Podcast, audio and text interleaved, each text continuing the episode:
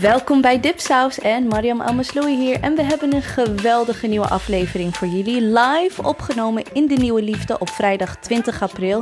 Met de enige echte schrijfster Afua Heer. Zij, zij was even in Nederland om haar nieuwe boek ehm, te promoten. Dat ook naar het Nederlands is, Nederlands is vertaald. Waarom ras ertoe doet. We hebben een geweldig gesprek met haar. Met mooie vragen uit het publiek van eh, geweldige respondenten. We hopen dat jullie enorm van deze aflevering gaan genieten, evenveel als ons. Alright, veel plezier!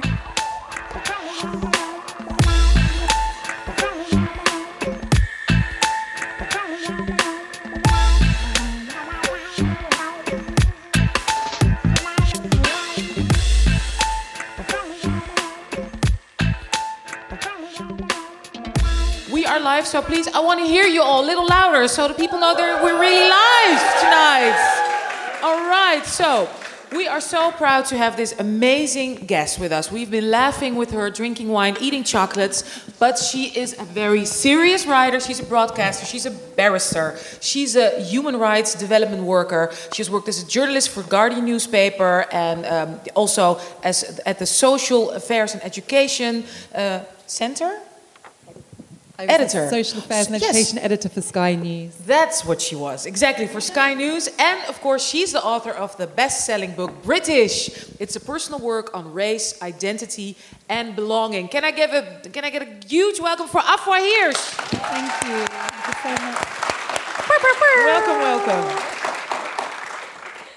So great to have you. So we said we're gonna take you through our Dipsaus um, episode, and we always start the three of us with the triple B's, and those are our binge watch, our podcasts, or books. So anything we'd like to share with people that we're passionate about or that we have binge watched. So do you have one for for us tonight?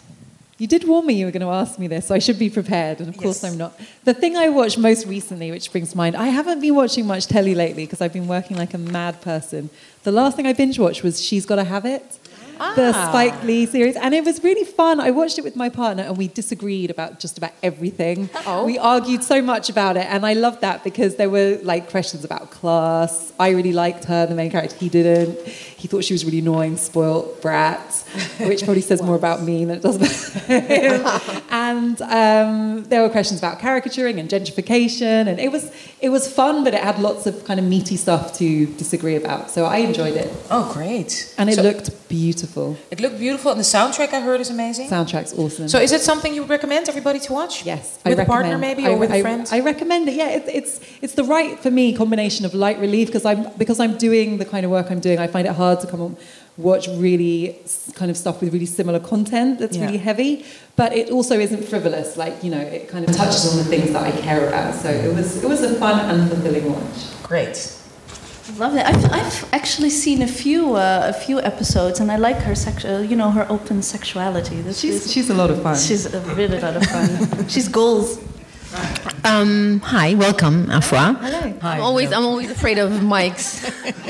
like, anyway, uh, we also have a segment called uh, Shoutouts and Burns, and I think we have explained before as well what we, what we do is every other week we discuss some of the things that we thought were worth mentioning or giving support, or something that really annoyed us. We kind of like have this space where we can completely let loose. Do you have anything for us? A shout out or a burn or both?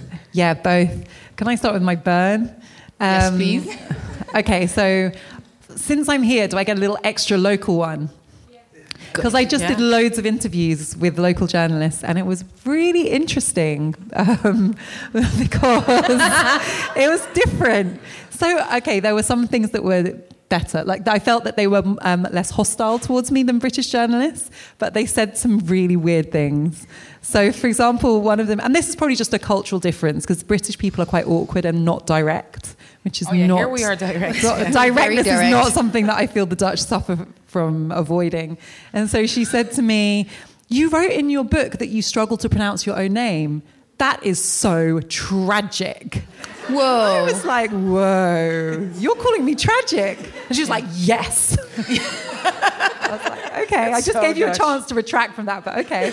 yeah. Um, and then she said, um, she asked whether we were talking about the fact that I have a Dutch ancestor on my Ghanaian side. My, my sixth great grandfather was a Dutch slave trader who had a child with a local woman at Elmina Fort in Ghana in the 1750s. We don't know anything about the nature of their relationship, whether it was consensual. I mean, the context suggests it probably was not a relationship of equals, to put it very mildly. But. Um, the, the, the family name in that part of my family is still Welsing, which comes from Welsing, which was the name of this family.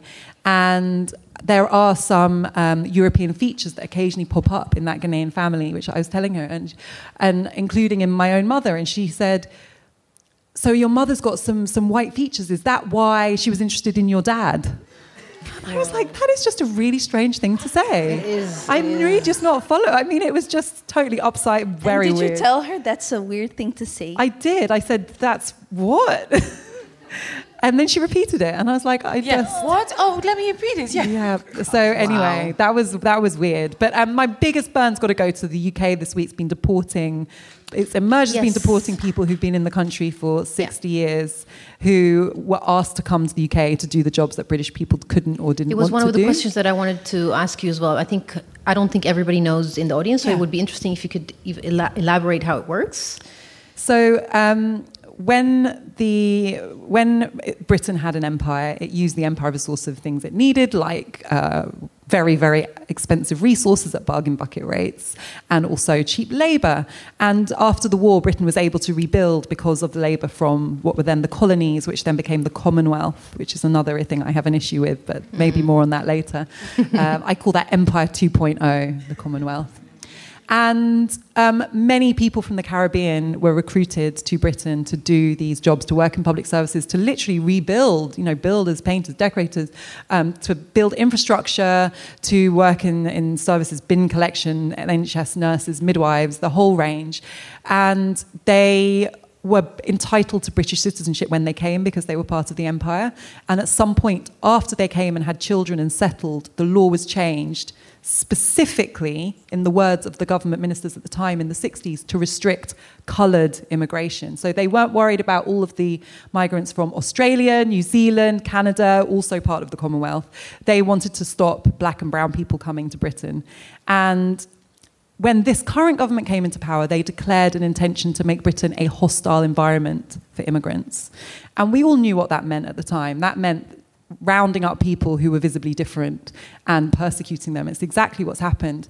The only thing that's been happening, people who've been in Britain since they were six month old babies, lived their whole lives there, have children there, have been being deported to countries they don't know and can't speak the language of. That's been happening to people from Af- of African heritage, of Caribbean heritage. But what's different about this story is just that the government really messed up because the one thing people have heard of in Britain is the Windrush, and they've seen the images of these Caribbean people, often very middle class Caribbean people, in their Sunday best, coming to Britain to drive the buses and build the country. And they now have grandchildren in Britain. They, many of them have never returned to uh, Jamaica or Barbados or whatever island they originally came from since they were very small children. And it now emerged that the government doesn't even know how many it's deported. It doesn't know how many it's made homeless because they couldn't prove their tax returns for every single year since 1973. that is now the criteria. If you can't prove all your school reports, all your health records, and all your tax returns since 1973, you're not entitled to remain in the country. And they don't even know how many they've already deported. And it's not new, but the revelation they've done it to the Windrush era, who, who and my concern with this story is this: there is a very strong good, na- good immigrant narrative underlying this. Mm-hmm. You always, when you listen to the stories in the British press, you'll hear a focus on the fact that these people made a contribution to Britain, and it's undeniable the contribution they've made. But that's also not the point. They are entitled to be in Britain because they're British. It shouldn't be dependent on how much of a contribution they've made, how upstanding they are in the community. But because they are recognised as having made a contribution, and it's very unusual. The left and the right are united in being outraged at their treatment, and it's really created a problem for the government. And on two fronts, it's exposing the implications of this hostile immigration policy, which nobody, there are no stories of Australians being deported. None. These are people from the Caribbean. They're all people of colour. And secondly, it raises questions about Brexit because the government has been assuring the EU that it will be able to make sure that people from EU countries can stay in the country after Brexit. And it's now emerged they've been doing things like destroying the landing cards that the, the Windrush era people had when they came off the ships. Those were destroyed recently by the Home Office. Ah. So, kind of confidence in the government's handling of immigration is at rock bottom across the political spectrum. And there are also just the most heartbreaking stories Yes. of people's grandparents um, So being older deported. people literally being deported. Yeah. These people are all basically in their 60s and 70s because they came in the, in the 50s and 60s as small children. But is, is, is, is there like, like- so there's a massive uproar now and people... it's- Yes. Yeah, so it's, Yes. people are being brought back Yes. or, or what? Uh, well, they don't know how many they've deported. And, and, and not just that, people, there, there are elderly people who went to get cancer treatment on the NHS and were denied treatment because they couldn't, suddenly, they couldn't prove that they had a right to be here. And is it the same for um, grandchildren of like the colonials the col- who were born and raised in either Jamaica or or or in India, for example. Oh, you mean white? The white one, yeah. I mean, guess. what do you think? Yeah. The issue is that um, these the issue is with people who didn't get British citizenship. The reason they didn't get British citizenship is because when they came, they didn't need it. Nobody took them aside and said, "By the way, the laws just changed, not in your favour. You need to apply for a passport." Nobody did that. Nobody told them that in 50 years' time they were going to be denied cancer treatment if they didn't fill in a form. So um, they are, have been left very vulnerable, and that's something that's that was warned about by the government's own watchdog when the government changed the law on immigration. Its immigration watchdog said this is going to have consequences for people who are lawfully in the country. That's very serious for a government to implement a policy that it knows Yeah. will affect people who are lawfully in the country and to be indifferent to that at best. And, and at worst, deliberately targeting those people because it wants to show how many people it's deporting. And that's the reality of, of, of the atmosphere in Britain and the way that immigration has been weaponized. And also, you know, for people like me who talk about this and write about this, the, the, the really painful thing is that we now have to justify the fact that we want to have a conversation about it because people say it's nothing to do with race. This is just about keeping numbers down. And there are so many ways in which that is absurd. But, you know, whereas in 1961, when they began restricting immigration from the Commonwealth, the Home uh, Office minister at the time said he wanted to restrict, and I quote, coloured immigration. They would never say that now. Now they say this has nothing to do with race, it's just about numbers. And so you have to then do the work of showing that this not just disproportionately, but almost exclusively affects people of colour. If you go to our immigration detention centres, which are a disgrace, which have been condemned by every human rights watchdog that has ever been to them, you will not find white people there. You find people of colour. Many of them came on a visa legally, started the legal process of applying for a work permit or a residency permit, were checking in with the Home Office every Monday morning, speaking to their lawyer every couple of days. One day, 5 a.m., out of the blue, dawn raid. Next thing, they're imprisoned for one year, two years, without access to a lawyer. It's truly remarkable. And the reason that we seem as a nation content with this is because they're black and brown people. There is this suspicion that they weren't here lawfully anyway. The country is full. You know, someone's got to go. Yeah. And And even if it is lawfully, that's not the point. the whole That is not the point. The British people are complicit in this by, by not acting. This story about what's the treatment of Caribbean people has been known and reported about. I spoke to people when I was writing my book who've been putting out papers about this, writing about this. The government's own watchdog that's the same here. It- So, and that's also why I guess you, for you, it was important to write this book because this is a conversation that is not had like publicly or in the media where you, you've been working, and that's why I want to make the transition now to the book, British. Uh, congratulations! It's a huge bestseller uh, in your in, in, in Britain. We have the Dutch translation, and the title of the Dutch translation is "Waarom ras ertoe doet." And I heard today that um, your dad knew what what it meant. Yeah, yeah. My, yeah, I heard from Mariska from the book. Oh, okay, she told yeah. me. She told me this. My dad speaks Yeah. Dutch. Yeah. And yeah. what- so, what do you think of the translation? That's the next Well, my question. dad said, "Oh, that's so Dutch." so I was like, "Okay, that makes sense." um, I don't have an intuitive understanding of Dutch to know, so you know, I know what it translates as, but I don't know what it translates as culturally. Yeah. So you guys have to tell me that. How can we explain it? I mean, it, I mean, the word race is in there. Is uh, is that something that was important for you in the translation? Because in British, it's it's a completely different feeling or different word. I had um, a robust debate with my publishers about this. I actually Do did- tell. As a publisher, when I'm we very were interested. when we were coming up with the title of my book, which by the way I didn't come up with the British version, British, which I think is very clever. That was my editor. She's so clever. She said, "We need a word. We need something iconic." And I was like, "That can't be done. This is such a complicated concept. It's very complicated. It needs, you know." And she was like, "No, we can find a way." And she did. And I was so I I, Yeah. I think it, it perfectly encapsulates what I'm talking about. It's also very difficult to translate, as I, I can see. Yes. Because it couldn't be translated to Dutch, right? No. I don't think it'd be translated into any other beetje lang- Brits. into any other language. Britsig, Britsig? Brits doesn't. Yeah. Britsig. Brit- That's catchy. Britsie. um, but, but I didn't want race in the title. Ah. I wanted it to be on identity and belonging, and they wanted race. And we had a, as I say, robust debate about it. But and why d- did you um, decide? Okay, I'll, I'll keep it. I'll keep the word in in the Dutch translation. It's a really prosaic reason. I'll tell you why I didn't want race. I didn't want race because I felt like everyone who's interested in race already is going to know that this book is about race. But people who are um, weary of books about race will read it because it's about identity, and it is actually about identity is the predominant theme for and me. belonging, yeah, it's and I true, found it to have a very universal appeal. I've been really surprised and actually humbled by the the diversity of of people who have related to the book. But speaking speaking of that, because yeah, the book is it says it says speaking uh, of race, identity, and belonging.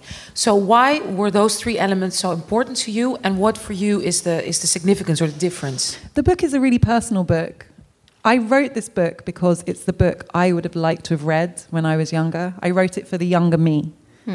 And so I think it genuinely would have helped me because I think this is the experience of a lot of black British people, mixed heritage British people, is that you are born into a world that is so loaded with things that are not said out loud and are not explained, and you perceive them. I did from a very young age, and yet there's no, there are no tools to make sense of them. And you know, it is. It, sometimes it hurts me when people say that I am obsessed with being a victim and I have a chip on my shoulder. You know, no one is born into the world looking for a cause to have a chip on their shoulder about. You know, and the idea that this is somehow about my need to be a victim. I mean, it, it's very patronizing, but it also, I think, shows that people feel threatened by engaging with the real issues. And um, as I say in the book, I didn't find race. Race found me. You know, I wasn't looking for it, but I experienced a world that had very clear, um, had very clear paradoxes, very clear hypocrisies, and I had to work that out for myself. And I wanted to help Yeah. anyone reading this book, going through something similar, to have the tools to make sense of it and the confidence to know that this is happening on a systemic scale. It is not. I, they're I not do think, isolated yeah, I, I think I do think it's important to have these kinds of uh, iconic, not necessarily iconic, but certain types of books that you. For me, when I when I I came to the Netherlands when I was 14, I, I was born in Ethiopia, and for me that book was fiction. You have lots of fiction that, that do touch on race and identity. That was Zadie Smith's White Teeth. That's the book that I could relate to at that moment. And I think, and I had this similar conversation with one of our friends, uh, Sab- Sabrina Ingabire, who is, I think, in her early 20s. For her, it was Chimamanda's Yes, I was going to um, say book. me too. So I Americanah. Think, yeah, so I think it's important to have to not always look to America to have these Mm-hmm. kinds of books that, that will help you Mm-hmm. find your identity or true self. Because we all like to read stuff where Yeah. we can recognize, um, where we can recognize a struggle or a feeling of which you thought, "Wow, must be the only one who, who must be, you know, looking for a country to flee." But that we're going to talk about it. Um, Did you know what some people have later. said to me when they've read my book? They've said, Do you know what I've realized? is this how white people feel when they read books? Yes. And I was like, do you know what? I hadn't thought of it like that. But if you read a book and you relate to it and you've never had that experience before Yeah. of reading a book that speaks to your experience, you suddenly realize what other people are just getting out of books. It's kind of like films as well. You know, when you see Yeah. a film and you actually recognize yourself in a character. And it's like, I had no idea it could feel like this. Yeah, yeah. Um, did you did you do you think that? Um, yeah, I probably know the answer, but I'm going to ask it anyway. Do you think that being of mixed race comes with a set of different uh, baggage than if you're not? Definitely. Yeah. Um, yes, on every level, because I think it's it's it's by design, right? It's it's by design that it's complicated. So on one level, I think for me there was an added insecurity about my legitimacy to have an issue with my identity and to claim blackness as an identity. Because while I felt very racialized, I also had black people saying that I wasn't a proper black person. And that wasn't just because of my skin color or my hair texture. That was also because of um, my class background and the way I speak. And I was raised in a very white area. And so- Wimbledon, right? In Yeah. Wimbledon, yes, which is not renowned for its ethnic diversity. Tennis. Well, I think Except- Boris Becker's wife is a Well, Dutch woman well, of color. yeah. well, Venus and Serena increased the level of diversity by 2,000% on their own. Um, so um, I think on a personal level, it was it, it complicated things because it was another thing I had to work out. Like, do I even have a right to be um, claiming a black identity, to be have to have a voice about blackness and identity and, and heritage? And then there's the fact that in the UK, as in so many countries, the type of blackness that is now becoming acceptable gradually is a mixed race blackness. It's the acceptable Yes. face of black. It's the curly hair and the light skin and the freckles, and we see it in fashion and marketing and advertising. And I personally think it's very important to recognize um, the ways in which there is color privilege that feeds into the power structure, and that as somebody who is fair skinned, you get advantages that other people don't get. And so for me, I don't. I think it's important to talk about that and, and explore that and be conscious of that privilege and also where it comes from and, and to what end. And I feel. Um, I feel that it's kind of got the potential to further divide people who are experiencing and suffering the same things and also distract from the bigger problems. But you can't get to that unless you acknowledge it. have to acknowledge and you it. Yeah, acknowledge you the have to, extent to which Yeah. it works in your favor. So it was very important for me in my book to be very honest and transparent about my experience. I am not claiming to have a monopoly on the black experience. I am not claiming some kind of monopoly on it, oppression. And I think, again, this is by design in a way because in the past in Britain, if somebody like me gets published, that's it. It's like box ticked. We have told the black story, move along. Yeah. And that creates this sense of a single narrative. And it also creates a sense of competition that we're kind of competing against each other to be the one to tell the story. And it's such a toxic thing to do. And I think I, it's, it's Part deliberate if subconscious. system. Yes. so Part of the excluding it's really important for me that I use my platform to, in any way I can, to increase the number of voices of people who can tell their story. We all have different stories. There are so many talented writers of color. And so I write my book in that spirit that I got a platform. How can I now use it? To expand the platform, and also how can I explore the the ways in which I have enjoyed privilege? How has that affected me? And then at the same time, what are the ways in which, in Britain, is a very class based society, and I have benefited from having a privileged class background. But what are the ways in which race follows you wherever you go in the class system? Because that is also real. And one of the most heartbreaking stories for me in my book is of a young black man who's from an underprivileged background who just did what you're supposed to do, what they tell you kind of solves all the problems, worked exceptionally hard, was very gifted, um, got a work experience at a law firm and was wearing a suit for the first time and felt that he had made it. He'd made it out, he was on his way. And on his way to his first day of his work experience, gets stopped and searched by the police, which makes him late. And, and not only does it make him late, but it, it Yeah. broke him because he was like, but I did what they told me. And even when I'm doing what they told me to do, and even when I'm wearing their uniform, the police still just see me as a criminal. And he couldn't reconcile that. And I feel like that's because he'd been lied to in the sense that they, he had had this messaging that um, you know, it's all within your hands. You just work hard and do well, and you'll, you, you can go anywhere. And the reality is that that's true, and you can do anything, but this is a racialized reality. And those perceptions don't go away. Yeah. Yeah, and and I was actually you said it was a very personal book because I didn't expect it when I started reading it. I really thought, okay, let's let's get into the material, and then it was a very open um, um, and also kind of vulnerable, you know, way of writing. And then um, you kind of um, in the beginning talk about Sam, and um, um, and what he has meant for you in, for your identity and uh, struggle. And I don't know how much I should say because Don't ruin it. no, don't ruin it So Sam is a special person. But Sam is my partner. And basically, it's extremely annoying because now when people stop me in the street, they do not want to ask about me. They want to ask about, Sam. Yeah. It's very annoying. And basically, I wrote him. He's important because he is from a very different background to me. Um, he is a black man from Tottenham, single parent family, serious poverty. Is also a seriously exceptional character. And for me, he represents the structural nature of this in the sense that basically where I'm from, and not to undermine the, my hard work, but where I'm from and the kind of education I had, if you show up and do what you're told and more or less keep your head down, you don't have to be exceptional to get a degree and a good job and have a home and be able to raise your children in a nice place. Where he's from, if you just kind of do what everyone else is doing and go along with it, you basically end up in jail or dead. That's the reality for his friends. To become a professional, like an ordinary professional, you have to be so extreme, so gifted, so determined, so remarkably focused. And through our relationship, it really helped me understand. I looked at his friends and I looked at my friends. And you know, most people are quite mediocre, right? My mediocre friends have a great life. His mediocre friends, the best case scenario is the one who's the bus driver. Yeah. And you know, it really showed me how much things are set up.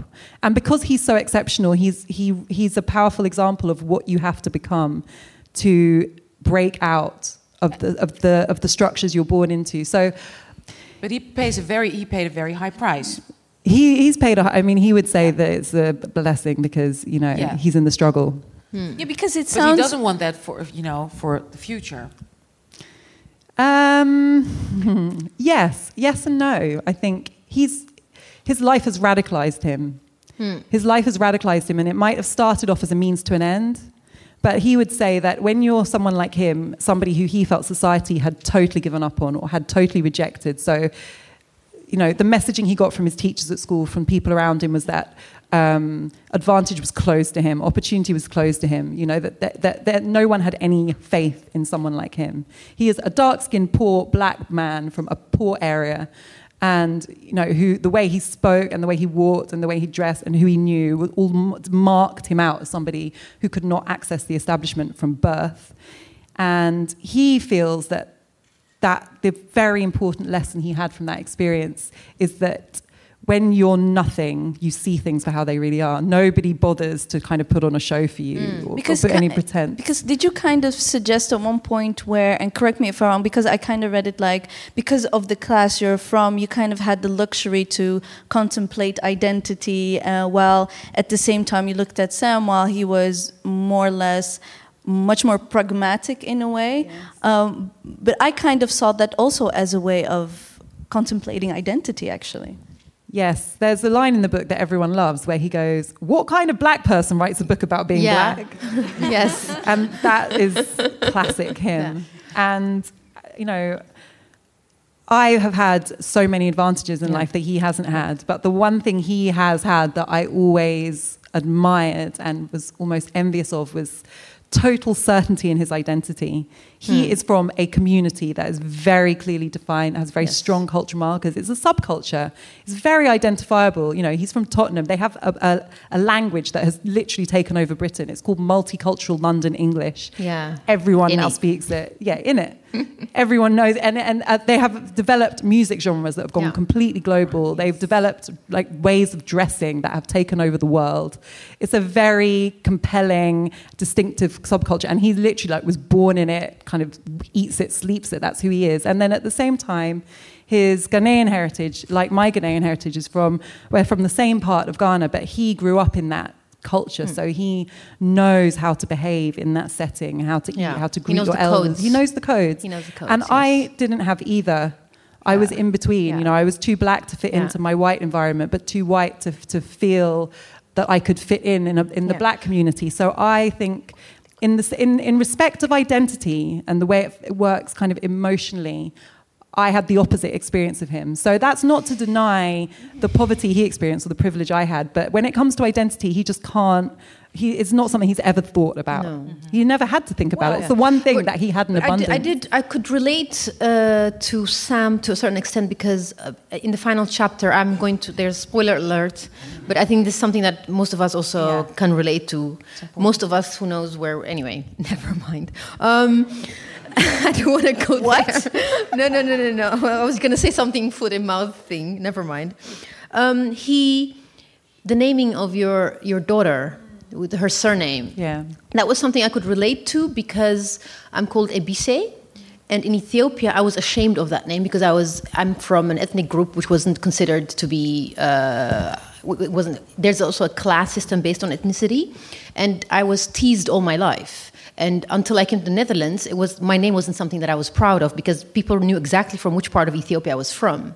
So when I had children, I never really questioned my uh, identity or roots. I knew where I was from. I'm from Ethiopia. We've never been colonized. The whole story, but I didn't want that same struggle that I had to go through for my children. So when I, with my son, I did think about giving him a name which was easy for Dutch people, for Ethiopians, and in English as well. So I call him Samuel.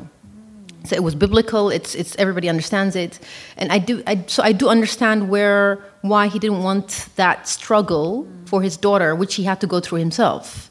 That was something that I really could could Yeah, relate but to. I, I think that so to me that is a high price to pay. it is. It is. Yeah, so, so in the book I write about his surname, which Yeah. is uh, it's a very distinctively Ghanaian name. It's also double-barreled, so it's like you know knowing how British people struggle with my name, which is two syllables, and uh, his surname is like they look at it and freak, just freak out, and uh, that's you know he's experienced that. So he thought that our daughter would be better off with my surname, Yeah. Hirsch, and Oh, you really pronounced that really well. It's really hard. Um, I write in the book that, that I struggle to pronounce my own name, and I've seen my name more as a project than a name because to be able to even say it, there was so much work I had to do, and it, maybe that was when I got set on my journey in a way, like from birth. And I'm grateful to my parents for that now because I think I was destined to go on that journey, but. Um, whether they did that deliberately is, a, is another story. But um, yeah, I think for me, it was absolutely out of the question not to give our daughter his surname because, not because I think there's anything wrong with using the mother's surname, Yeah. but because of the reason that we were going to Mm, not give it yeah, to her. And yeah. the reason was, Yes. in my view, an acceptance of the racism and the, and the baggage that an African name carries in Britain. And I, was, I believed, and I still believe, that we could not enact or we couldn't act based on a future in which that name is anything other than a source of pride and strength. We couldn't believe in a future where that would continue to be a problem. So it was kind of an act of faith. Like, we are naming you, we are giving you your rightful name in the belief that this will be something that um, is, is an asset and not a hindrance. But I can also relate to the reason why he was concerned about it because he just you know with your children you just want to give them opportunity Yeah. You- and No, and, and his experience of opportunity is discrimination and mine is lack of identity Yeah. Yeah. No, but it's And interesting so we because come you at said, different you know, he has such a strong sense of identity. Yes. And still, that's Yeah. what I mean. Still, that is. An, Yes, okay. I've not. You see, the thing is, to me, that's also part of his um, certainty and his identity that he kind of is could almost be complacent enough to be willing to give away the name, Okay, which yeah, I would yeah. never do because that's everything to me. Whereas he's thinking about practical things. Yeah. I understand because his experience has been a, a- an experience of practical deprivation, whereas my experience was an experience of identity deprivation, and both are valid, obviously, but. Um, you know, I he didn't want her to experience some of the very practical real, tangible Yeah. barriers he has, Yeah. and I didn't want her to experience the, the lack of belonging that I had. Well, and speaking of that, because you know that really touched me because you, like me, I also grew up in a really white, uh, you know, middle class environment in, in Amsterdam, and but my I have a white mother. You had a you have a your mother is. Uh, Ghane- you say Ghanaian or yeah Ghanaian. Uh, so my father's from West from Cameroon, um, and my mother is Russian but white. Um, so you also grew up with kind of a the behavior hey, you kind of adopted, which I really recognize, and it was really painful for me to read because I had totally kind of like pushed that away. That that was my behavior when I was in my teenage years, because I'm not like that anymore. But a little bit of like, you know, oh, don't worry about it. I know I'm black, but you know, I'm okay. Mm. I'm also like one of yours because I also did like the typical Dutch sport here is field hockey in my neighborhood. That's not something a lot of black people do. Mm-hmm. Still, want to, you know, and I did that, and really at a high level, just only to prove, yeah, yeah, I'm one of the of the you know white Dutch girls, mm. and that's something I also read in your book, which really mm. touched me. That your friends, your white friends, also say to mm. you, "Oh, it's okay, you look that way. We don't see it." Ex- exactly the same thing said by my friends, which they meant as a really sweet, you know, Yes. nice compliment.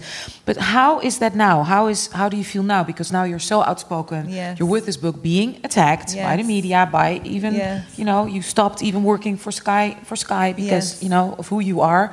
How do you feel now? Yes, and it's that's why these projects kind of require so much passion because the act of writing the book, the act of talking about the book is an act of like acting out what you're talking about and writing about. So, for example, I believe very strongly that one of the issues we need to talk about in Britain is white approval. And I say that because there are there is some diversity. There are some black people in prominent, visible, powerful positions. But the culture around those people is one that says you downplay your difference. You pretend that you're the same as everyone else. You don't draw any attention to your blackness or your cultural heritage. You minimize your difference. You blend in. And it's the same messaging that my friends sent when they said, Don't worry, Af, we don't see you as black. You're fine. You know, you are okay as long as you make yourself unthreatening and you leave your cultural and ethnic heritage at the door. And the reason that that is bad is because one where it comes from which you know people when they say that and they say it trying to make you feel better and that they accept you but not realizing they have subconsciously inherited this idea that there's something bad about blackness. If there wasn't it wouldn't be a problem if you brought it to the table. And so i was very vulnerable to that messaging because i was struggling to find my identity but i i and i felt this connection to my Ghanaian heritage, but I was getting all this messaging that there is something bad about blackness. You know, it's criminal, it's poor, it's depraved dictators, people amputating each other in, you know, West African wars, it's famine, it's um, insanity, you know. So I was very vulnerable to that messaging, and I, I was living the ways in which other people played it out without understanding it. And so um, I see that in Britain, all of this focus on diversity is not creating change because it isn't changing the cultural conversation. It's saying institutions are open to people of color on the condition that they behave in the same way as the people who are already here. You know, it's wanting diversity as a visible asset without accepting diversity of perspective and lived experience. And so it's important for me now that I say these things because I feel that my whole life conditioning was a process of making me afraid to say these things. You know, I was conditioned to make other people feel comfortable, to not draw attention, to be grateful that I'm in this country, you know, even though it's my country and I don't have another one. And those narratives are still very strong. So in a way, I am kind of putting my money where my mouth is and saying, own your identity and own your heritage and also understand the reasons why you're under pressure not to, because that has a history. Yeah. And then at the same time, the reaction to me doing that is the perfect case study for the points that I'm making in my book. Because people have reacted with hostile, defensive, and, and sometimes really aggressive vitriol. And they find what I'm doing very, very threatening. And in a way, I think that proves my point, you know. And, and, and I've, people who don't agree with me are often not engaging with my argument. They are attacking me personally and saying that I'm ungrateful. And So- I think that speaks volumes. So how did that process go? Because you said you took actually kind of ownership of saying, okay, Britain is also my country. Because I think it was such a, I'm going to translate from Dutch, like party of a recognize, feest van herkenning. Yeah. Like it was, Party of it was, how do you say that? a Recognition party, party? of, a recognition party for the three of us while we were reading it.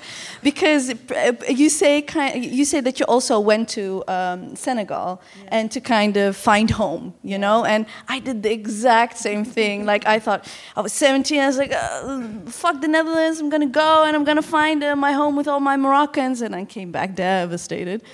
and then, and then thought, okay, well. wait, I'm gonna go and find a country that's kind of European but Arab. I'm gonna go to Lebanon. That's gonna be my home. And then came back like devastated. So my strategy became ama- finding a home with the diaspora, finding a home with these two amazing women, a, a few amazing people here in the crowd who we've kind of i feel like the, which they called the bubble actually became my my my homeland. Um, and that was a way for me to actually land at 26 in this country. Um, how how when i hear you say like to, to take ownership how was what was your kind of strategy? How did you do that? I, for a long time, I believed that identity was a place. And that I think comes from what I write about in my book the question. And the question is, where are you from? And I get asked it every single day in Britain. And ironically, I get asked it where I'm from more than I get asked it anywhere else. And from a very young age, the effect of that question was very unsettling and made me think there must be an answer. Otherwise, all these people wouldn't be asking me this question. The answer must be Ghana, because that's why they're asking me, because it's because of my Ghanaian heritage that I'm brown. Is it is it all over Britain or just London?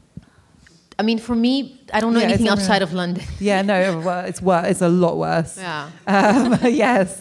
I get asked it, and it's often well, again, well intentioned. You know, it's not a, people who are racist because people who are overtly racist do not ask you where you're from. They just tell you to just fuck off back there. You know, they don't stop to ask where that is. You know, the people who ask where are you from actually are like, oh, I'm so curious, and you know, I bet it's a really lovely place and interesting. Maybe I'll go there one day.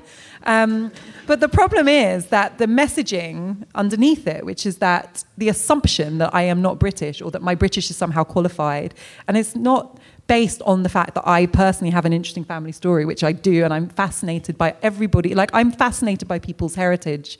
And some of the most interesting family stories I've heard are from white British people who have really amazing stories Irish, Celtic, Dutch, you know, fascinating stories.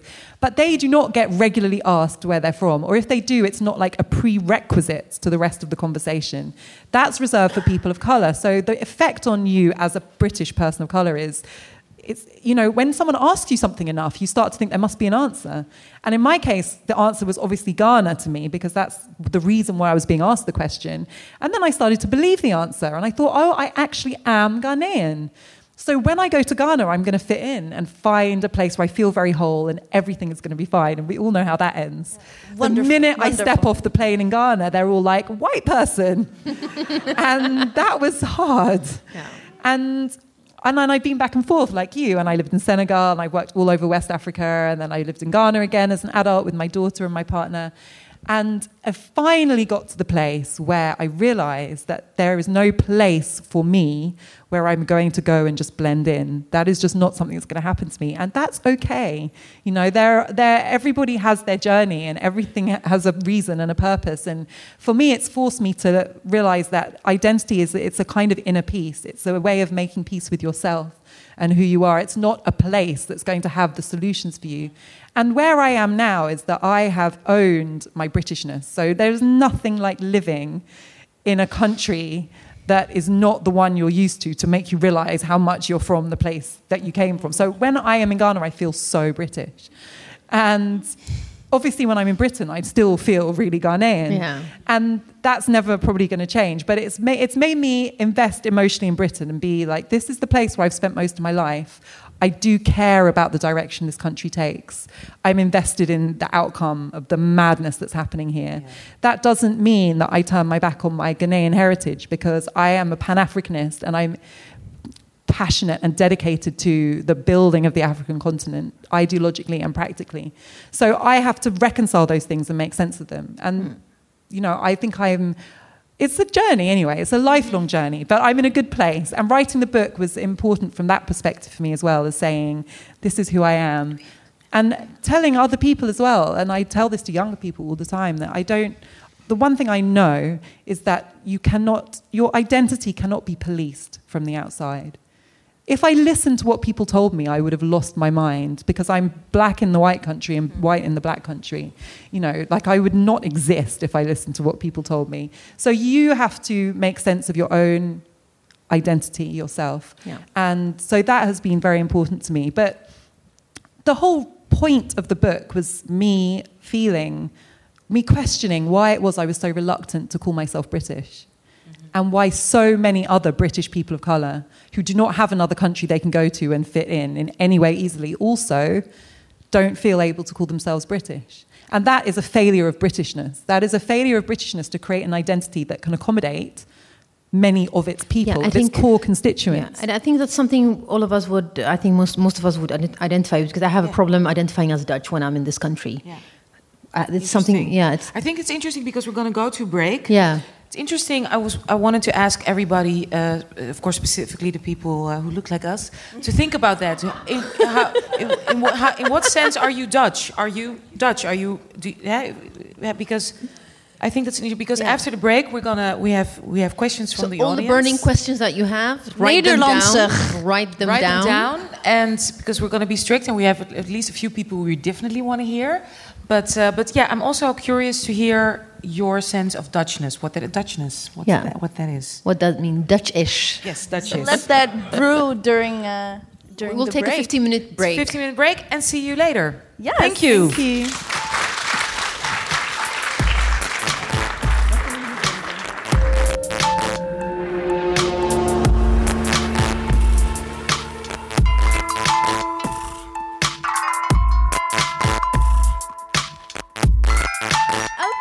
Welcome back, everyone. I think everybody came back at a reasonable time. And um, we have to thank our partners, review of our um, newsletter, Dag en Nacht Media, who, um, who we've uh, worked together with uh, to make uh, us sound better, and our new sponsor, uh, Jimdo. And that's like the, the new website maker. Squarespace killer.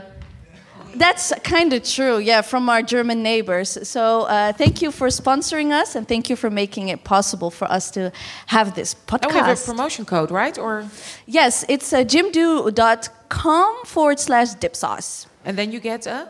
Then you get then you get 10% off your first purchase. So if you want to build your website, Yes, go to Jimdo. .nl forward slash dipsaus. Um, we are now going to the second part of the um, talk show, and what we're going to do is we are going to have a Q&A. We're going to give you an opportunity to ask questions and engage with what was spoken before. We've also asked three amazing people to read the book before they came here. We sent the PDFs illegally. Sorry, Marcella. Sorry, Afua. We we didn't ask permission. It's all for a good cause. O- Only to people of color. Don't try that at home. Yes, only, only only people of color. I can make that joke safely now, don't can't I? And um, I would like to ask with the youngest, where are you, Zaira? There you are. Um, can you introduce yourself and also uh, who you are, what do you do, where does your house live? Is it, where, waar woont je huis? Not where I'm from. No, no, no, no, no. Where, where you Waar really are huis? from. Ja. Where I'm really from. And then geef het- can you can you ask uh, the question? Yes. Um, my name is Zaire Krieger. Just like you, I have a now- name that's very hard to pronounce for other people.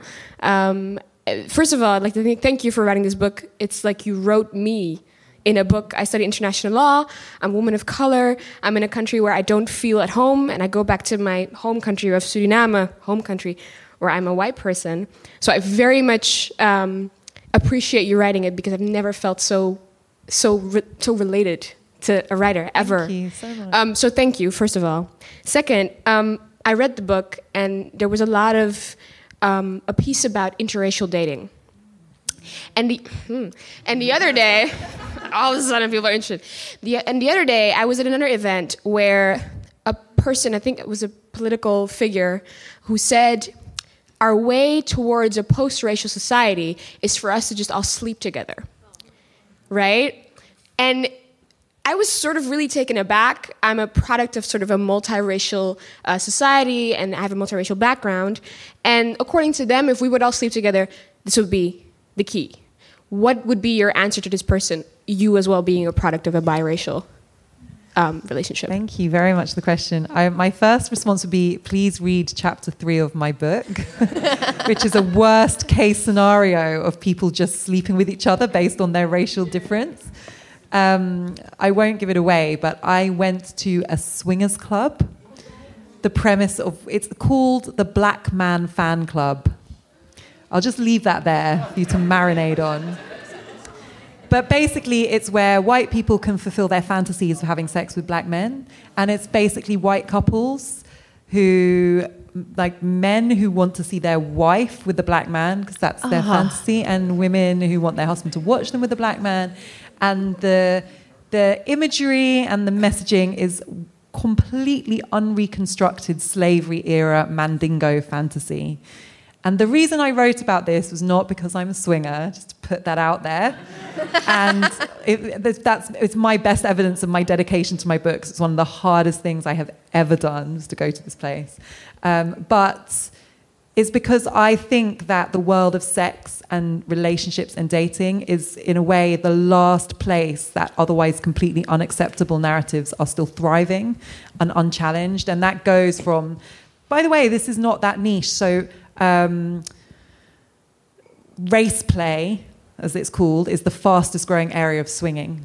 And so I think actually there's an important social point here that I think it's not just a coincidence that this stuff is going on undercover. I think that things that have kind of are no longer allowed in the mainstream and are no longer tolerated in the mainstream have found other homes away from the kind of political chattering classes. And um, it's it's a huge scene in the US, in the UK. I have not looked into it here, nor do I plan to. But maybe someone else will pick up that mantle. Oh, you have okay, and so. Wait for the mic. We are recording. Hi, sorry, Belle Parnell-Berry, also from the UK. Thanks Hello. for being here. Um, I have it on good authority that this is actually done in the ne- Netherlands, but using Zwarte Piet. Oh my no, my God! Whoa! You just added a new dimension to what's wrong with no, I've really heard it all. Yeah, thank you for this country. But but um, anyway, so I think that people are able to use attraction to avoid thinking about things that in any other context would require some analysis, and the UK actually has the fastest rate of interracial, the highest rate of interracial relationships in the Western world. And it's very common for our politicians to say that we really don't need to worry about race. We have solved the problem because by 2050, 30, 40, 50% of the population will be of mixed heritage, and therefore we will be post racial. And that is nonsensical because the growing number of people of color and mixed race does not solve the problem. It just radically increases the number of people affected. So it's just another reason why we need to solve these problems because they are affecting more and more people.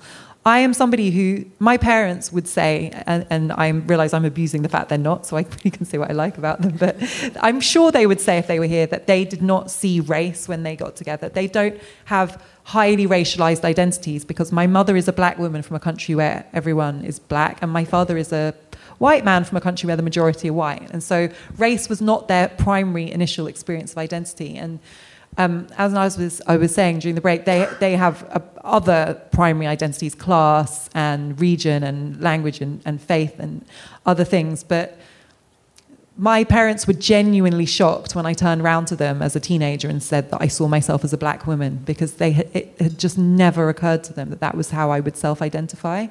And I think if they were here, they would say that their relationship is an example of how um, love can transcend any kind of differences. And they still have a very happy and healthy and thriving relationship, which I admire. But also, they weren't equipped to anticipate the identity issues that we, my sister and I, as children of that relationship, would have. And I think that I see in Britain many couples who are not necessarily equipped to give their children the tools to navigate the racial, racialized reality they are living in. So the idea that just by having interracial relationships and producing mixed race children you solve the problem is, is actually one of the more worrying parts of the narrative. at the moment. I Who's this politician? Name and shame. Oh, no, No, I'm all, kidding. Oh, all of them. yeah, a long list. It's a very popular thing to say because it's a really easy way out. And we really like easy way outs in Britain. They're very popular. Um, next Yeah. question. Next up, it's Olave. Who are you? Uh, hi, uh, my name is Olave. Hello. Hi, I'm a writer. I'm of uh, Burundian origins. I kind of grew up here in the Netherlands. And um, what else? Uh, I write with Dipsaus Exclusive sometimes when they let me. uh, I dabble in politics and uh, I work with LGBT youth mostly. Uh, my question. First of all, I just want to say that I really, really enjoyed your book. I am not done yet. I haven't finished it yet, but it's like I am admire the amount of. It's so comprehensive. It is so well researched and well written.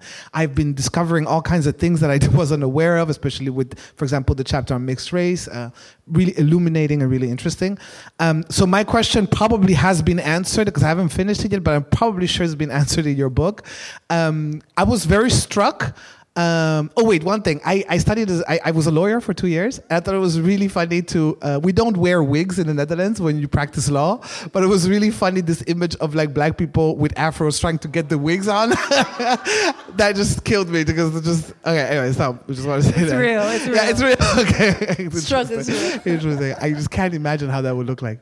Um, but so one of the things I was struck by when you talked about, for example, the Rhodes Must Fall, uh, uh, the work that has been done in sort of decolonizing the curricula, both in, in the in the in the in the, in, the, in white institutions in, in in Europe, but also in in Africa, South Africa, most. Uh, uh, best example. I was really struck by the fact that so much of our uh, trained people who are trained from African continent are trained by westernized uh, universities. They're westernized pretty much, and I was wondering um, whether in your book or whether here you would like to talk about uh, what are the implications are, are for a neo-colonial reality of the uh, continent. Like, how are we, you know, how are these people positioned in understanding the realities of sort of advoc- as sort of well, doing development work, doing the diplomatic work, doing the policy work, and so on, and, and the business as well, and so on. Thank you so question. much. Yeah, that's a really big and important question. Thank you for asking it. I think um, I've been doing a lot of work on Pan Africanism lately, and the reason is partly personal because, as I say in the book, my grandfather was. Um, had a scholarship to Cambridge in 1944, and I do think it's really interesting if you think about 1944, which is you know the middle of the Second World War, and Britain still facing an existential threat they still had the time and the resources to ship Africans across the Atlantic, which was, I mean, there were similar ships to the one my grandfather was on being sunk by German U boats, ship them to Oxbridge so that they could do their degrees and go back and run the colonies. And that's because that was of huge strategic importance. They needed to keep the colonies running and they needed westernized Africans to run them. And so my family is a product of that. My grandfather was literally the, the child of cocoa farmers who one day found himself at Cambridge. And um, I found his letters that he wrote when he was there, which is another story and something that really moved me a lot. Um, but that was totally by design. The British created a system whereby the education system in what was then the Gold Coast, now Ghana, was based on the British education system. So my mum would talks about how when she came to Britain, she realised she knew the names of every single river in England and none of the rivers in Ghana, literally. And she still has these gaps in her knowledge because of the um, colonial education she had. And Kwame Nkrumah, who also studied at the LSE in London, um, described the Ghanaian school system as colonialist pap that lacked any meat that was completely incapable of producing Africans who were equipped to deal with the reality of running an African country. They were learning what you needed to be part of the British civil service in Britain. And that was also by design. You know, that's that's why it makes me so upset when people talk about empire as if it's this historic relic. You know, there are people alive, like my mother, younger than my mother, people now in Ghana and other African countries being educated in a Victorian English education system that is totally incapable of creating people who have the knowledge and confidence in their African history and context and challenges to run countries properly. And, and that's a legacy that is taking generations to change.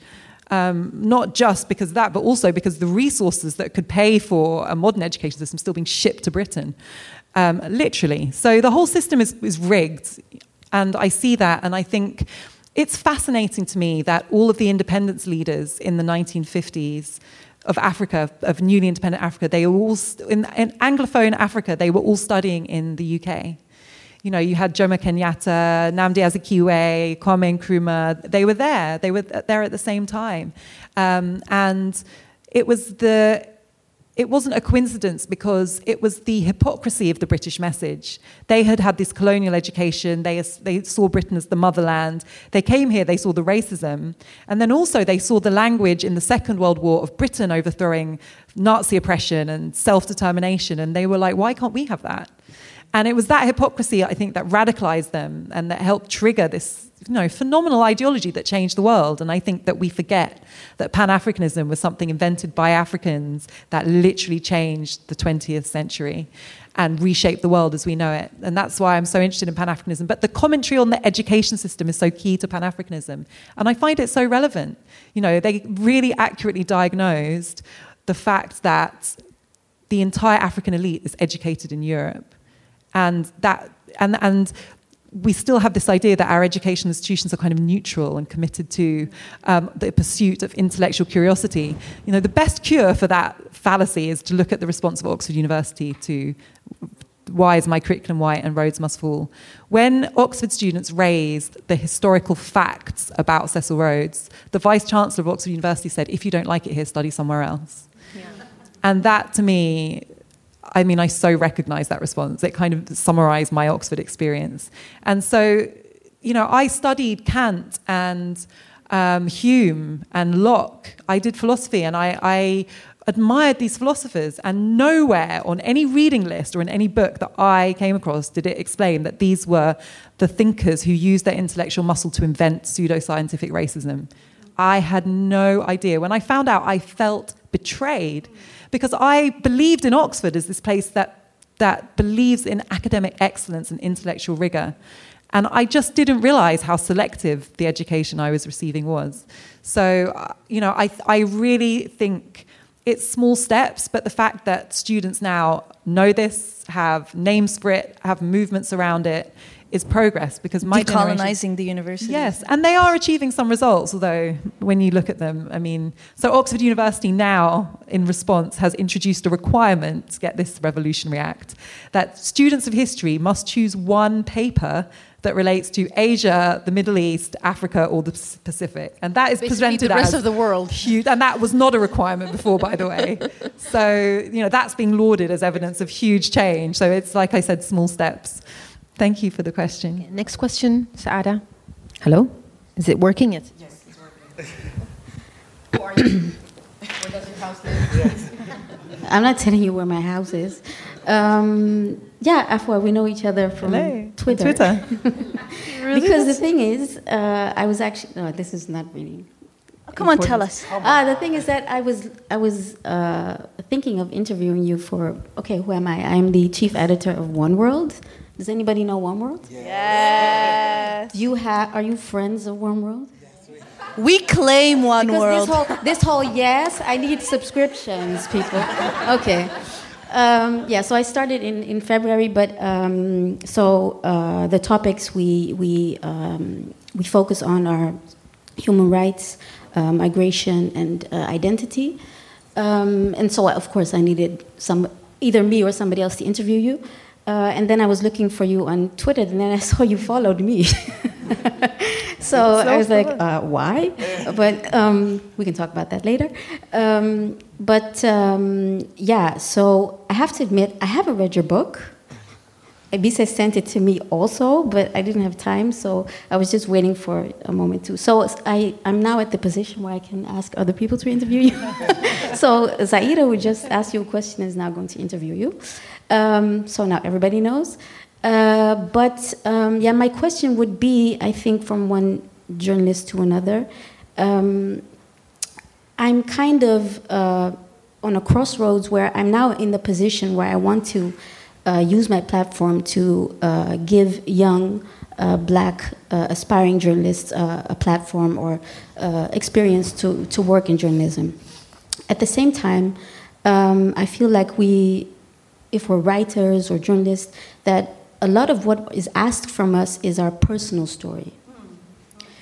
So, um, and I feel like that's what I've been. So I started out very traditionally. I went to journalism school. I, I started out at a local newspaper doing stupid stuff like people who had their 60th uh, um, wedding anniversary and stuff like that. So I started out from the bottom and I went up to um, newspaper. Sorry, started now. Right.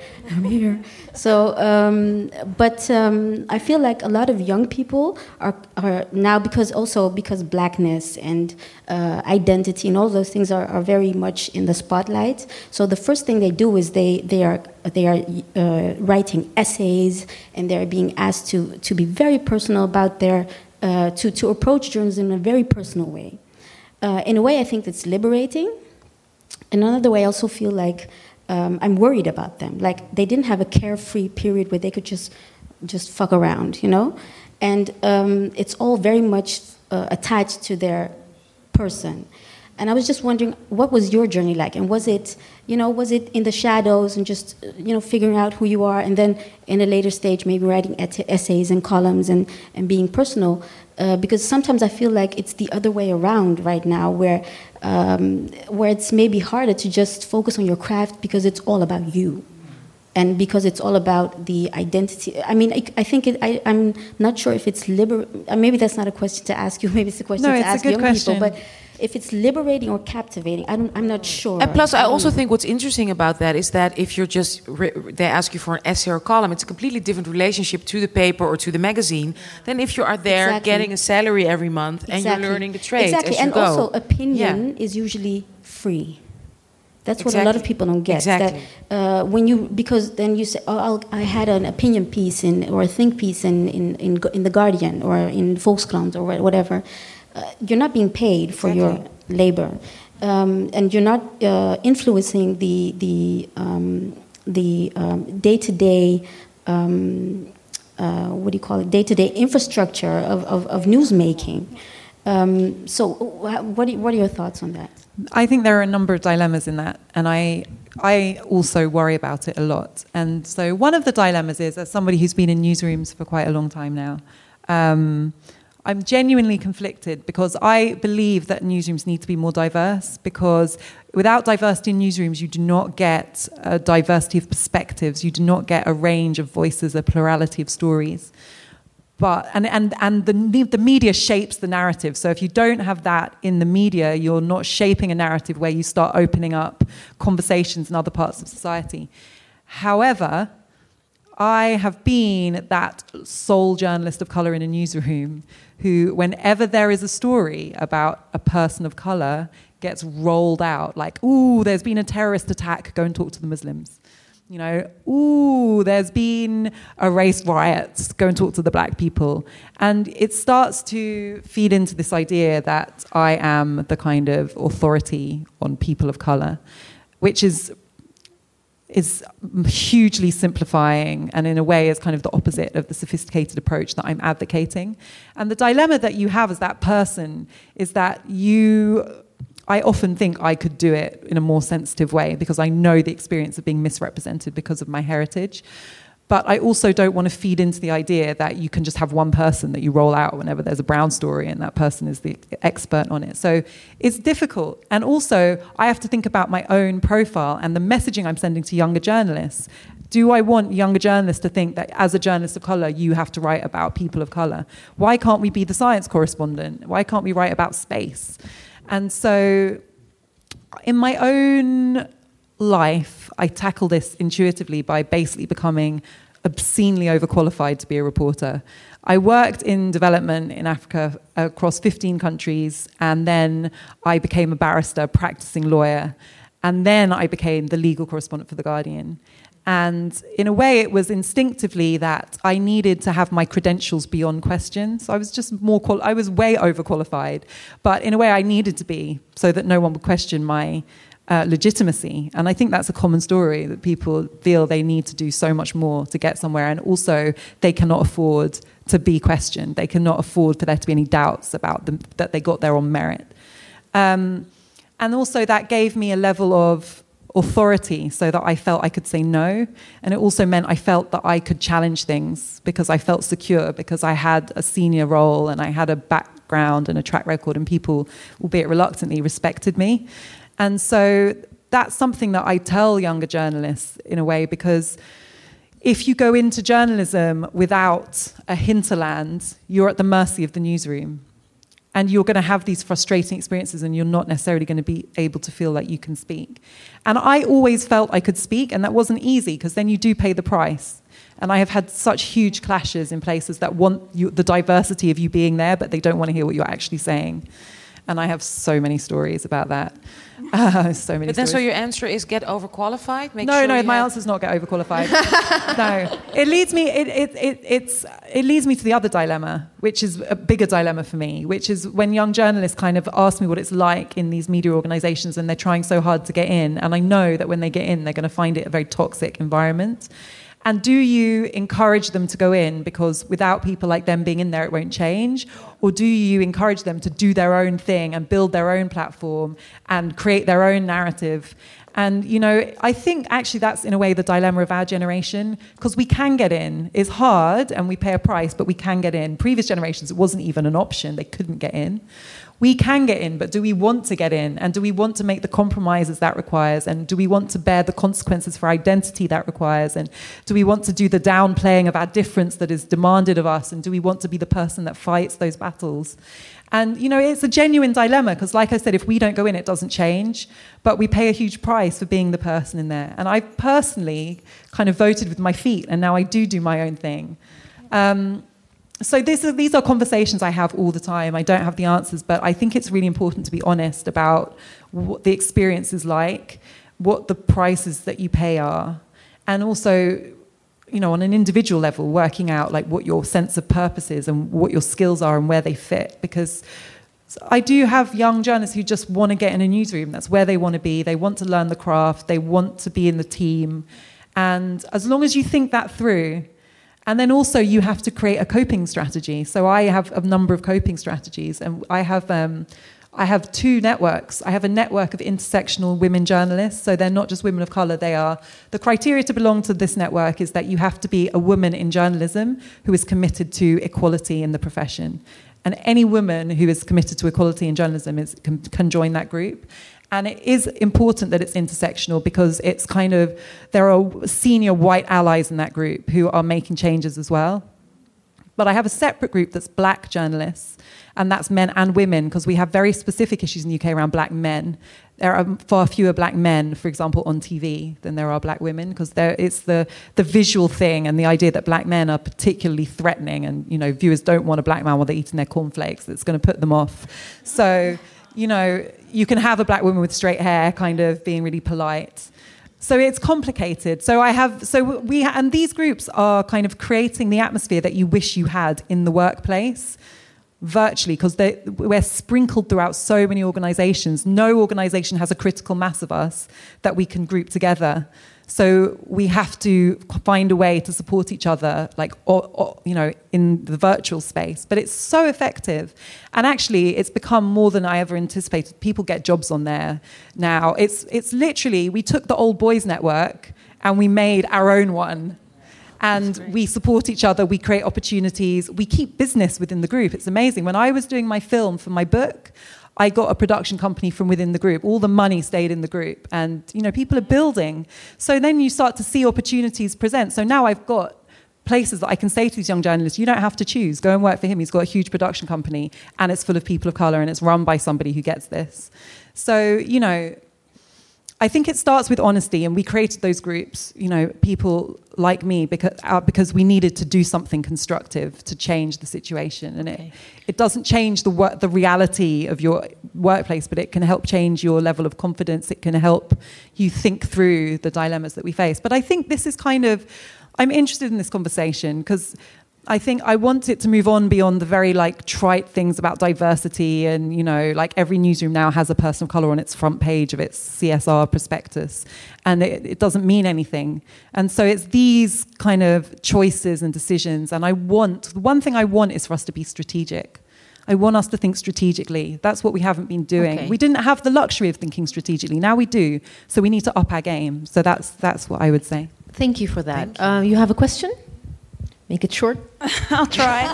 Hi, Afua. Um, Hello. I'm Araba. Hi, Araba. Um, like you, I'm from the UK with a Ghanaian background. Um, in your book, um, you and your partner Sam have exceptions to your Afrocentric bec- um, bookshelf, such as The Great Gatsby, albeit for very different reasons. I enjoy it too. Um, before I discovered books written for people um, like me and by people like me, um, like Americanah, Hello Vita Menson, um, Homegoing by Yaa Gyasi, um, I grew up reading um, Jane Austen, the Bronte sisters, the Dickens, and I was like, you know, because it's English and I'm English, that's how like life used to be back in the 1800s. That was like my life too. I felt like I really related. And then I started reading books, like, like you. I started reading Brit- British. I started reading books like by, by Anusha, and I thought, oh, okay. So I don't really relate to those books anymore. Was it hard for you to go back to reading such literature after having discovered books that you're related to? Going back to reading, you know, because I've got on my bookshelf, sitting on my bookshelf, a load of books again, and I'm struggling to go, you know, going back to reading, the, you know, Dickens and Bronte again, knowing that they don't really relate to me, but I loved them so much as a kid. I'm How still Helen deal- of Troy. How do you deal going back to that after you found things for yourself? I love you, Araba. Araba came up to me earlier, and um, you're a really cool person. No one's ever asked me that before, and I love the fact that you just asked me that. Um, I never big up my own work, but there's one thing I did uh, earlier this year, or at the end of last year, that I'm really proud of. So if you have a chance, please listen to it. It's a radio essay for Radio 4, which is part of the BBC, and it's called The Book That Changed Me. And so they ask a writer to write about a book that has changed them. But I flipped it a bit, and I wrote about how a book showed me how much I'd changed. And the book I wrote about is actually a book I'm completely obsessed with. It's called Wide Sargasso Sea. I don't know if anyone here's read it. It's by a writer called Jean Rhys. Yes. And the reason I raise this is because Jean Rhys, you've read it, right? Jean Rhys. Um, has anyone here read Jane Eyre, apart from Araba? Okay. We know, you know Bertha, the mad wife in the attic? When I was 15 and I loved Jane Eyre and I totally related to Jane Eyre, like I cried and everything, I had this tantalizing glimpse of this woman from the Caribbean.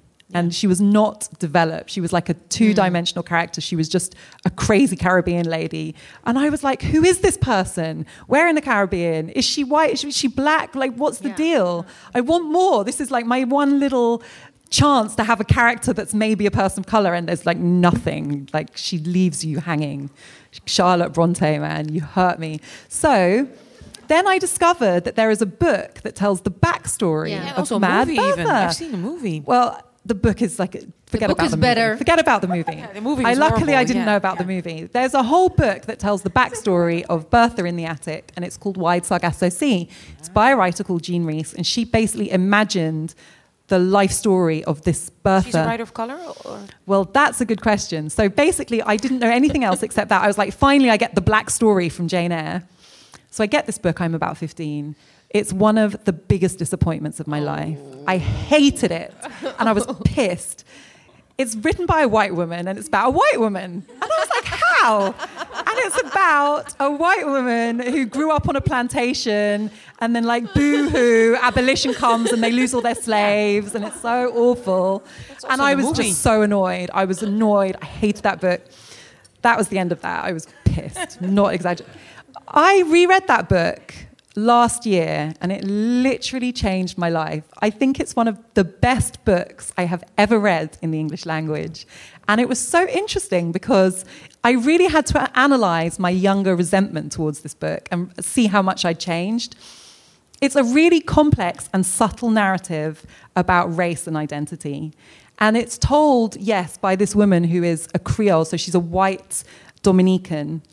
And she's born just after the abolition of slavery. So the slave owners are all going bankrupt because they've lost their plantations. And then all the freed slaves hate them, obviously, because they were the masters. And now the slaves are free and they hate them. They live, these people still live on these crumbling plantations and they're sources of hate. And so she's born into this. And the white English people who come to the Caribbean don't regard them as, as white. They think they're corrupted, you know, because they've, they've you know, they, they kind of have clearly got some black blood in there somewhere. And culturally they they are of the Caribbean. So they I now related to this character because she doesn't fit in anywhere. You know, her whiteness is not white enough and her blackness is not black enough, and everybody hates her, and she's just a child in this scenario. And then she internalizes some of the racism that is around her, but at the same time, she's rejected by white people. And it's um, it, the book also really takes on the tropes around Caribbean people, the stereotypes, the mammy, you know, the angry slaves, the the conniving witch, you know, the, all of these ideas about voodoo and black magic. The book deals with them in just the most powerful and beautiful way. And also, Jean Rhys, just as an aside, is just the most fascinating person. She wrote four books in the 30s that had critical acclaim but weren't big sellers. And then basically, um, she kind of disappeared. And then she died, and then her obituary appeared in the Times newspaper. And then in 1950 something, so like 25 years later, there's an actor, an actress who wants to turn one of her books into a screenplay, but she needs to buy the rights. So she just needs to check that Jean Rhys is dead. So she can't find her, but her death certificate. So she puts out an ad saying, "Does anyone know like when Jean Rhys died?" Jean Rhys replies to the ad. Jean Rhys is living in a hovel as an alcoholic, writing Wide Sargasso Sea, and she's been doing that for 30 years. And this literary agent kind of contacts her hearing about this and's like, What have you been up to? And she's like, I've been writing this book for 30 years. And they have to literally prize it away from her. And when they do, it's literally like the best and most perfect book they've ever read. And it still takes her another 10 years to finish the last paragraph. Wow. That is the level of perfectionist we're dealing with. It's literally the most amazing story. Anyway, the book's published, it's a huge success, and Jean Rhys dies before she ever gets to see oh. the literary sensation it becomes. It's just the most incredible story. But as a writer, I find it so profound that there is a woman, because when you read Wide Sargasso Sea, it's not a long book, it's literally a short book. And you can see how 35 years was spent writing this hmm. book because every word is perfect. It's a masterpiece. And it's also a very complex take on race and identity and narrative. So was she Caribbean? Yeah, so she was born in. Oh, yeah, just as another layer to this, I just finished. In I fact, can't handle sorry, anymore. The, the, the book, Another one. The book that I finished yesterday is Caryl Phillips's new book, and Caryl Phillips's new book is his imagining of the life of Jean Rhys. So it turns out he's Wait, also obsessed he- with Jean he's, Rhys. He's written a new book. Yes, it's called A View of the Empire at Sunset, and it is his imagining of Jean Rhys's life. I've read. I mean, the, the the Atlantic Sound is the one he wrote before, right? Long yeah, he ago. hasn't written a new, but I think it's 10 years. It's been quite a while Yes. since he's written. Yeah, wow. He's been Okay, spending the last first thing I'm- decade yeah, first thing I'm going to imagining. like- order I just find this whole story so magical. So anyway, that's a very long-winded way of saying. But is she Caribbean? Jane? Yes, so, so yeah, sorry. Yes, she is from Dominica. She's Creole. She had a she's a, had a white Dominican mother and a Welsh father who was a doctor, and she grew up kind of in between. And she came to Europe and she worked as like a chorus girl on the stage in Paris and London, and hung out with um, Caribbeans because those are the people she related to. But they kind of didn't like her because she was they thought they saw her as a white lady, and she just didn't fit. She didn't fit. She wasn't English enough. She wasn't black. She um, was a genius, but she had so many demons. She's a oh. fascinating character. Anyway, so but but you can change. You know, you can. ch- That's what I love about books. They change you. You change with them. You see how much you've changed through them. And so my relationship with my books is always evolving, and I think that's an amazing thing. I'm How are we the with the to time? Olaf. Sorry, I any- really Everybody went else, off. you can also ask questions, oh. huh? Don't be. Five don't more feel. minutes. Yeah. Nog vijf minuutjes. We, we have five more minutes to ask questions, so make it very short. Very short. Okay, so I'm gonna hold on. yeah, one of the things I find really interesting that we see in the Netherlands as well is this sort of in Europe it's a kind of phenomenon where we see that human rights are like sort of equal to having a passport to being to being a citizen and this sort of sense of like um, this this sense of loyalties and allegiances that we ask people ask me all the time like am i dutch? And and how do i feel about my dutchness? And i have a lot of difficulty with claiming dutchness because i don't know whether whether i'm not saying that i am worthy of of human rights of dignity because i am dutch. And i, I was sort of thinking about sort of how do we problematize these borders and these mm-hmm. nationalities not so much as identities but as nationalities that are constructed to keep people out in a time when freedom of capital for example freedom of goods is sort of a given. Mm-hmm. But the rights of migration, the freedom of movement, is something that we're very much restricting and sort of keeping exclusively for white. You know, so I was thinking the legal take on this and sort of the mm-hmm. political dimensions yes, on that. such a good question. I wouldn't link the two because I think, in a way, if you link the two, you're kind of feeding into the problem. So I, I think that the question of who gets to be Dutch or who gets to be British is one thing. The question of who is committed to the way that we treat immigrants and migrants and refugees is another. So for me, one of my big bugbears at the moment is the feminist movement and Me Too and how they are so blind to, for example, women in immigration detention who are almost all women of color.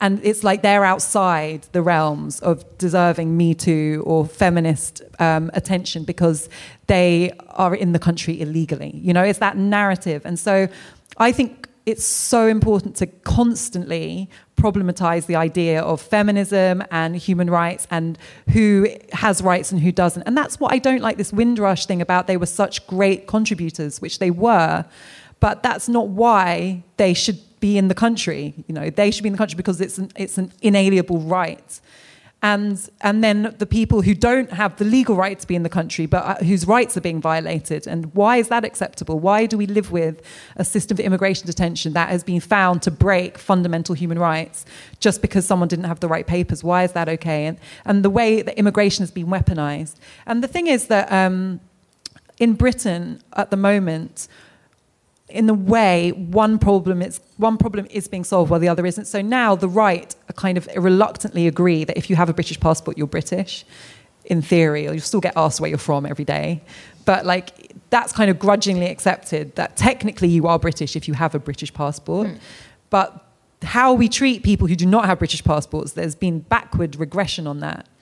And so I kind of and, and I think that it's deliberate. So in Brexit, there were a lot of people of color who started saying, well, the country's full up and, you know, Eastern Europeans are now taking all our jobs. And that's by design, you know. There's, there, there being, there's a, there is an insecurity that has been created and then a sense of p- people competing for scarce resources. And the idea that if Polish people work as midwives, then Ghanaians won't be able to be midwives anymore you know and so there's this kind of like last off the boat syndrome where it's like you know i'm in shut the border. Mm. and that's because immigration's been weaponized. Like we're all vulnerable to that narrative. So i think it's really important and i think that it's it's so crucial to make sure people are engaged in that. People start to buy into these ideas about who's deserving and who's not deserving and you've got to problematize that. But i would separate it from the question of who gets to be Dutch or who get, gets to be British, because okay. I think in a way they are different questions. Okay. One more question? Yes, thanks so much. Um, in addition to your question, my name is uh, Kwai I'm also a journalist. And I was wondering because um, we have this phenomenon in the Netherlands of the other. Um, and I think it's very problematic um, in terms of I'm at the point of my life that I've accepted myself in large part, um, and also the cultural um, identity. But in conversations, but also in discussions with let's say the other, mostly white people, I sense that they have um, a problem with identifying me, putting me like um, in a box. And I was wondering what advice could I give them? Because you know, it gives these weird situations, and I'm wondering if you have a solution to that because I have coping strategies for myself, but sometimes I'm struggling with talking to them and also easing the conversation at one point, but also um, trying to make them understand that it's okay, but we have to talk about it, even if it's awkward. Tell them to read my book. no, but in all seriousness, I think that's why it's useful that there are books, and not just mine, but there are, you know, there's Reni's book, but I Am No Longer Talking to White People about race. Anusha's book. Anusha's book. One year anniversary today. Yay! Today, happy publication anniversary. and I, I find that it's really sometimes it's a good way of, in a way, um, kind of divorcing it from yourself. And actually, this comes back to your question about the burden of journalists of always having to write these personal stories. It is very exhausting to have to use your lived experience to make a basic point about your right to have a perspective. And I find that really, uh, uh, we all kind of end up having to do that. And it is, it's something that one opens you to very personal attack, which is not something that I want other people to experience. It's like I'm used to it and I've been getting it for years now, but it's not you know something you take on lightly. And also sometimes it's it's useful to just distance it from yourself. Like one thing I, I really always want to get across is this is not our problem.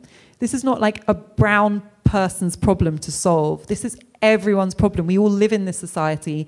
We have all been conditioned in these racialized ideas whether we've been conditioned to whiteness or, or brownness or blackness or otherness you know. We all have the experience of constructed identities. And so I'm interested in ways in which we can kind of make that an objective thing that people can access without us constantly having to kind of do that really difficult emotional labor. Yeah, can I also add something to that? Also, I think, especially if you think about decolonization, there's also very like unspoken um, layer of superiority versus inferiority. It's very hard even to get on the right level to have the conversation. So I think that's also a layer that really needs to be looked at because if you, for instance, I know a lot of young uh, young people who have such difficulty even even talking to their teachers or when they, you know, somebody who's supposed to support, support them during their thesis because they're already being looked at as like, oh, oh, you've come from so far. I'm so proud of you, you know. Oh, and now you're yeah, now you're studying economics. Wow, that is also a layer that has to be discussed because it's yeah. it's and and I think um, yeah, sometimes I really think, um, uh, how do you say it, to um, dare to be, um, yeah, to, to reclaim our, our, in that sense, our anger also and the position, and I think, and not yeah. be afraid of all the uh, the frames, which is hard. You have to be ready to do that. Yeah. But I've, if I don't know how you felt in the last few years, I really felt, uh, and you have to of course, be older for that maybe, or have worked or something. At some point, it's really nice to just say, you know what? No. If you can allow that, mm-hmm. or if somebody can do, at least do that for you, you know what? No. You know, to draw a line and to um, um, save your energy. Save your energy, and also with uh, force sometimes. Which it's not for everyone, maybe. Not okay. Any, one any one position. last question, and then it's over. We have to go to the next segment. Well, the only thing is that I think that's also, I think what makes it kind of depressing is that it's a continuum. Yeah. It's not something that stops because sometimes I feel like I'm liberated. I, uh, you know, I write columns. I tell them what they want, what I want, what I think. I don't feel, you know, like uh, restricted in in uh, being uh, respectable and stuff like that. And then I still find myself in situations being respectable. Yeah. Mm with people that are beneath me. I mean, not beneath me, but I mean the people that are in. No, no, no, no, no. The people that that I I am in charge of, yeah. even, you know. So I sometimes feel like it's it's never really done, you know. people that are beneath me. No, I mean people that are like sometimes you lower know, in, like, ra- yeah, in rank. Sometimes you feel, you know what? I, what you're saying is just not correct. Like I had a discussion the other day and um, it was it's called like the freedom speeches. And then it was a professor of history. And then i was talking about representation. And then he said yeah but you know what? I, this is so ridiculous. No no no sorry. I have to stop you now you know completely mansplaining me and saying because if you talk about representation we have Khadija Arib we have da, da, da, name a few names. We have like um, um, uh, the, the burgemeester van Arnhem now and Rotterdam blah blah. And then i really had to be like do i really have to say now i'm not this these are not black women. These are not Afri- you know women from the African continent. So yeah, it's great we have a few drops and something's changing. That does not, you know, and it's almost impossible to really think, you know, do I have to in front of an audience start now this discussion and he's mm. shouting. Welcome to my life. Yeah, no. Yeah. So, it's exhausting. Yeah, and he's the professor. He's the professor of history. The I'm intellectual. The, the, you know, the lady, yeah, who hates white people. So. Sounds so familiar to me. You do have to be again like strategic and selective. And I've started saying no to things when I think for me, if I take part in a debate, it has to be because I feel like it's somehow taking us forward. And sometimes I do things that feel that they are designed to be entertaining. And people actually enjoy basically seeing people shout at me. And it's going to be four people who are against me and me. And it's not a space in which we can actually have a conversation. It's kind of like um, culture war as a form of entertainment. And so now when I feel that's what I'm going into, I just I won't do it because it doesn't it doesn't actually take us forward. It, no one gains, and it's personally exhausting because while they're they're all talking about something they think's interesting, I'm Oh, a talking about. Yeah. the fact that I exist. You know, and it's um, and and in the things that I'm communicating are being relived in the way that I'm having to defend my perspective. So it's um, so you've got to be you've got to be selective, and that again it does come with experience and confidence and knowing your boundaries. And you know, you get it wrong sometimes. Sometimes I get duped. The BBC invited me to do a program like 10 o'clock on a Sunday morning, prime time, on my book. So I was like, what's not to like?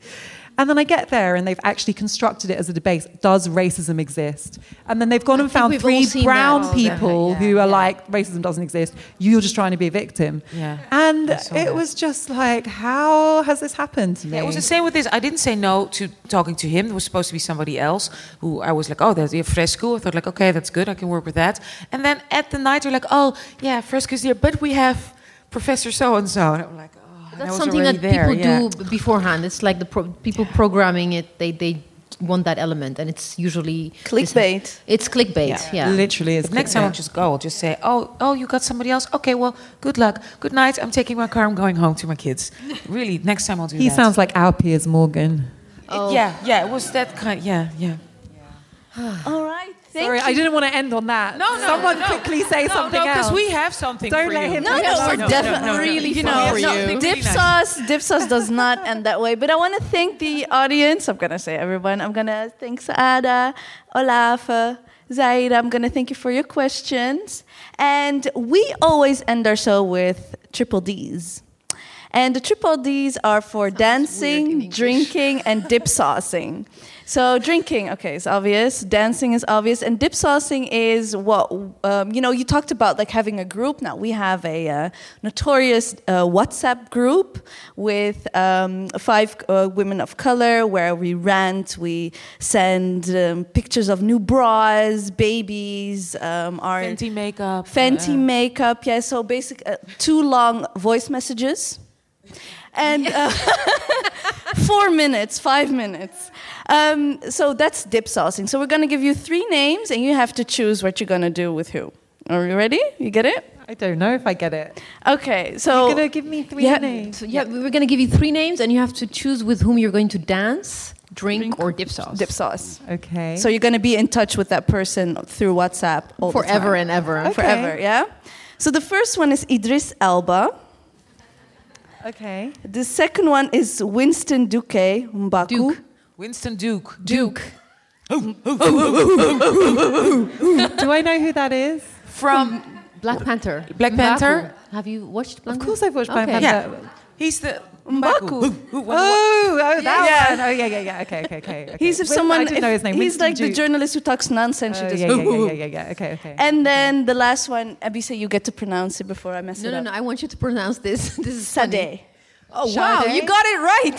Sade. The millennial Like got it right. Sade Adu. Sade, like the singer. Yeah. Yeah. She was saying who's Sade? I'm like, I was like Sadie. shocked. Are you? Am I way older than you? Probably. No comments. Okay, okay, it's cool. It's cool, it's cool, it's cool. okay, so I have to. So one is I'm going to drink with one, dance with one. Dip and sauce. Dip sauce. Yes. And dip sauce is the WhatsApp over long Yes. voice notes. Right. I definitely want the dip sauce with Sade because then I can have like a Oh, wow. long. drawn out- Wonderful Maybe I can get her to sing to me on my WhatsApp notes. Oh, yeah.